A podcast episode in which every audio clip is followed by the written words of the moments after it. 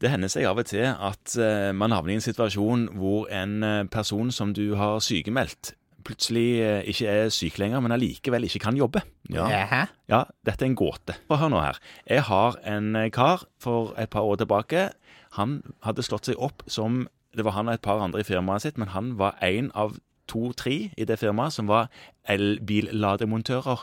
Ja, Ja. disse nye ladeboksene som folk har hjemme i garasjene Ja, sine. disse litt sterkere greiene som gjør at folk kan hurtiglade bilene sine. Ja, Så det han eh, gjorde, det var at han kjørte eh, hjem til folk i hele Nå var vi i Rogaland, så Ja. det var hele sørfylket, ja, og jobba med dette. ja. Tok anbud da, så på jobber og skrudde opp ting etter hvert som de hadde Nettopp. Ja. Mm. Og typisk, hvis eh, kursen lå der, så tok det en halv dags jobb. Ja. Og hvis det ikke lå kurs, så var det ofte én, kanskje to dagers jobb å få gjort dette her. ja. Så han dro rundt, enten én eller to plasser i løpet av hver eneste dag, rundt omkring. Noen ganger kjørte han eh, to timer, noen ganger kjørte han en halvtime, men han kjørte rundt omkring til disse jobbene. Ja.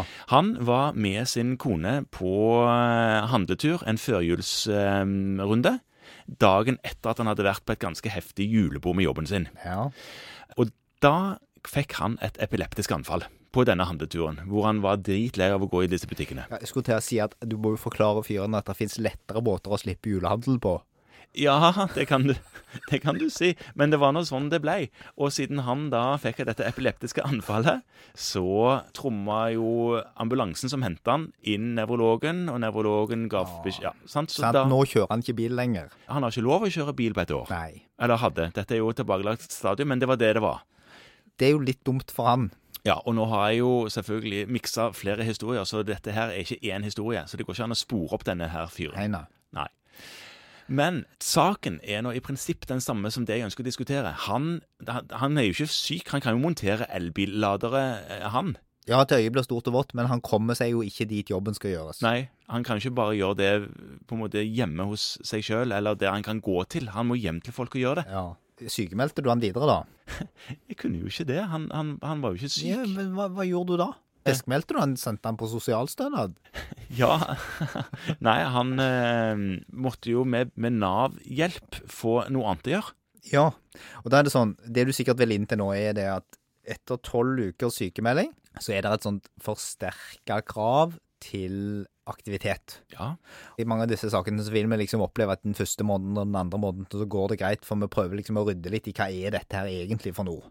Og Nav og alle er med på at her må vi på en måte bruke litt tid på å utrede og finne ut er dette noe som går fort over, eller er det noe som tar lang tid. Fordi at det er fortsatt sånn at hvis de har et anfall, og du etterpå kan si at det var nok ikke et epileptisk anfall, mhm. dette anfallet vet vi akkurat hva skyldes, og det er ekstremt liten risiko for at det dukker opp igjen.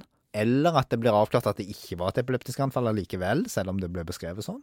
Dette var et epileptisk anfall, Ja. men han hadde ikke epilepsi. Nei, så, så kan man av og til få igjen førerkortet før. Ja. Hvis nevrologen kan gå god for at dette skjer nok ikke igjen. Mm. Og det kan man godt bruke litt tid på å avklare i disse sakene. Og pasienten kan godt være sykemeldt i den perioden, men så er det klart at når det begynner å gå litt tid, så havner man opp i en situasjon der man må se på hva kan man nå gjøre. Og da, da blir det tilrettelegging. Og da blir det jo spørsmålet har dette firmaet noen mulighet til å få flytte han rundt på annet vis. Kunne han ha sittet på med noen, for eksempel? ja, jeg hadde en tilsvarende sak hvor det var en tømrer som Ja. opplevde noe av det samme. Ja. Og han dro jo rundt på arbeidsplasser. Ja. Eh, altså en ukes eh, jobb.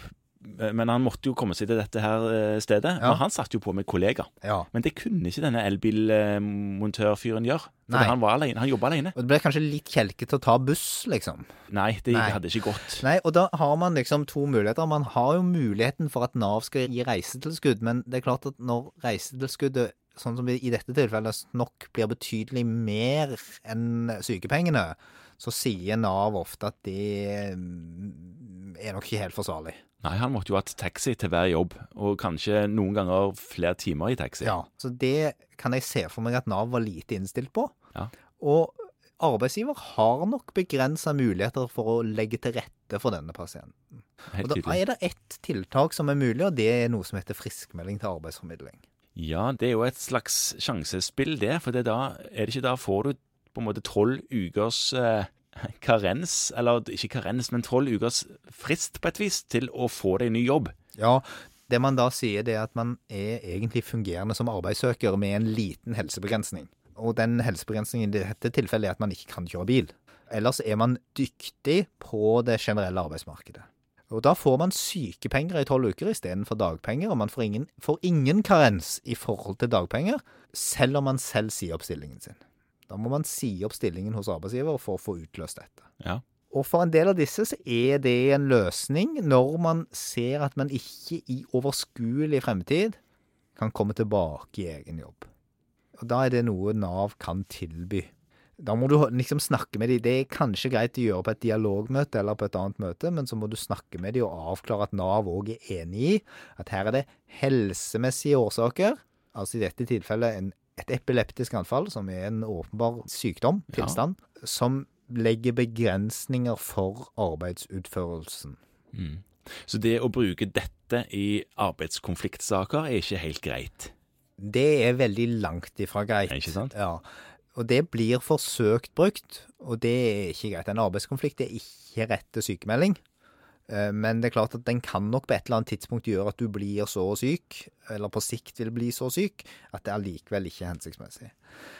Men det med friskmelding til arbeidsformidling er et godt tiltak for en del pasienter som åpenbart ikke kan fortsette i den jobben de er, men som allikevel ikke trenger så mye tilrettelegging. Fordi at han kunne ha jobbet i et stort elinstallasjonsfirma. Det er mange jobber han kunne gjort der ute, i hvert fall i utgangspunktet, selv om det er vanskelig å søke på, der han kan bruke hele sin kompetanse uten å måtte kjøre. Det er helt sant. Og da er friskmelding til arbeidsformidling et godt alternativ for de pasientene.